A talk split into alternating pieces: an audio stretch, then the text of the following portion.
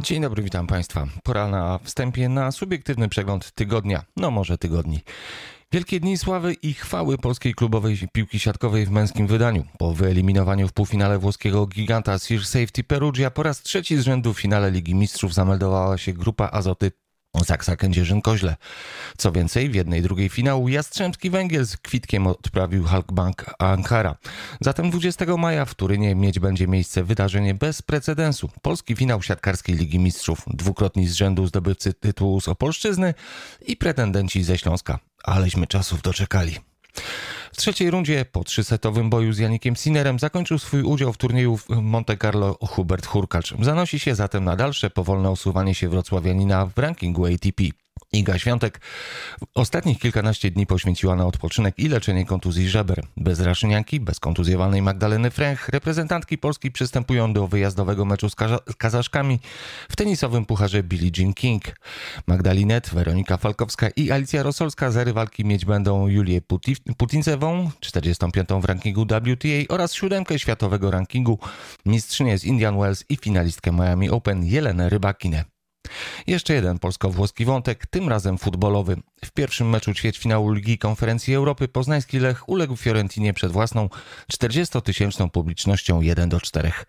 Włosi wyraźnie wskazali mistrzom Polski miejsce w szeregu. Na niewiele licząc w przyszłotygodniowym rewanżu i tak musimy wyrazić satysfakcję. Poznaniacy byli pierwszą polską ekipą biorącą udział w wiosennej części rozgrywek o europejskie puchary od dziesięcioleci. Pora na pobieżny skrótowy przegląd ligowy. Ruszył nowy sezon żużlowy w Polsce, ale zamiast o wyścigach i punktach, o anomaliach krajowego speedwaya za sportowymi faktami. Żużlowa PGE Ekstraliga z każdym sezonem rośnie w siłę i choć wydaje się to niemożliwe, to część klubów już w tym sezonie prześcignie pod względem finansowym najbiedniejsze kluby piłkarskiej PKO Ekstraklasy. W teorii to nie miało prawa się zdarzyć. Piłkarskie kluby rozgrywają w sezonie 34 mecze, w żużlu 14 i maksymalnie 6 w playoff. Sezon trwa 10 miesięcy, w żużlu 6, a w szerokich kadrach jest nawet 30 piłkarzy na zawodowych kontraktach, w, żużlu, w żużlu rzadko mm, kiedy więcej niż 7-8. Mimo to żużlowe kluby są tak popularne w swoich miastach, że w 2023 roku przynajmniej 5 zespołów biorących udział w rozgrywkach PGE Ekstraligi będzie mogło pochwalić się budżetami na poziomie przynajmniej 20 milionów złotych.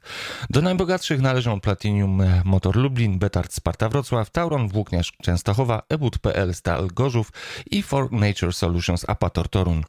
Czołowi zawodnicy tych drużyn otrzymają w tym roku około 3 miliony złotych, czyli 150 tysięcy złotych za jeden występ. To właśnie za, na wynagrodzenie dla kilku podstawowych zawodników wydawana jest większość pieniędzy zgromadzonych przez kluby.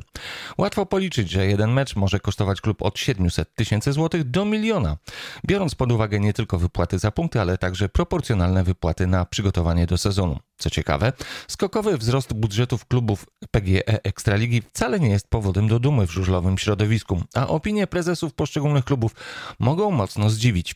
Budżety rosną z każdym rokiem, ale szczerze mówiąc jestem tym przerażony. To na pewno nie jest powód do dumy. Wydatki na zawodników rosną w szalonym tempie i coś trzeba z tym zrobić, komentuje dla sportowych faktów prezes wicemistrzów Polski z Gorzowa Wielkopolskiego Waldemar Sadowski. Choć budżet zespołu wzrósł w tym, w tym roku do 20 milionów złotych, to klub skazywany jest przez ekspertów na walkę o utrzymanie.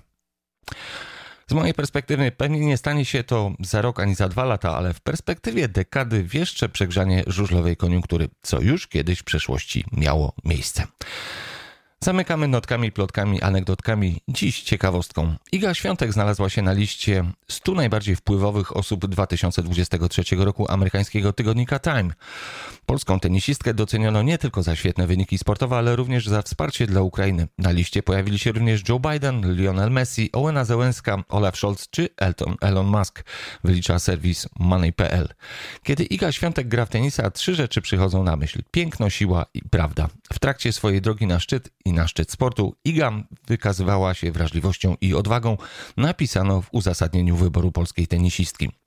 Nieustannie dąży do poprawy swojej gry. Wyraża uznanie dla tych, którzy ją wspierali, nie umniejszając przy tym własnych umiejętności i pracy. Jest rzeczniczką zdrowia psychicznego i wspiera Ukraińców w ich walce o obronę domu. Jako sportowiec, a co najważniejsze jako człowiek, jest uosobienie pewności siebie, którą każdy powinien naśladować. Pewności, że działanie jest ważniejsze od gadania, dodała Mikaela Schifrin, dwukrotna medalistka olimpijska w narciarstwie alpejskim, która opisała osiągnięcia Polki. Igę Świątek, dodajmy, nominowano w kategorii innowatorzy. I tylko takich pozytywnych wieści Państwu życzę oraz nieustająco zdrowia, pokoju i spokoju. Tadek Paluch. Papa. Pa. Sport w PL.